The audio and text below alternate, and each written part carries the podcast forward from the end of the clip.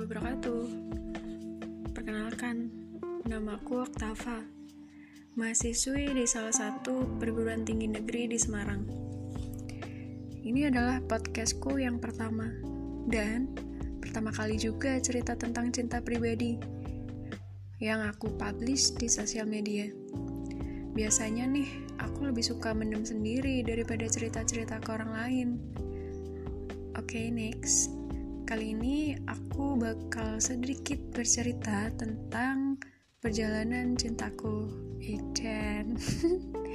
Dari awal aku SD, SD John.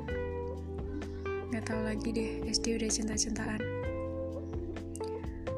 Aku gak tahu cerita ini bakal menarik atau enggak, tapi berharap sih banyak yang suka. Iseng-iseng aja. Kan sekarang lagi lockdown, jadi daripada gabut di rumah mending produktif ya nggak